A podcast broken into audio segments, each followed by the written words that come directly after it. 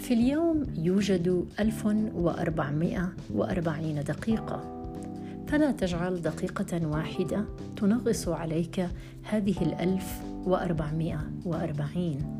دائما تذكر أن كل مر سيمر وبأن الأمور تتفاوت ما بين الصعود والهبوط وبأن الأمور تتفاوت ما بين السعادة والتعاسة ولكن لا تسمح للسعادة المطلقة أن تسيطر عليك بصورة مطلقة ولا تسمح لحزنك الكبير أن يسيطر عليك بصورة غير متناهية. دائما افرح باتزان واحزن باتزان. مساء الخير.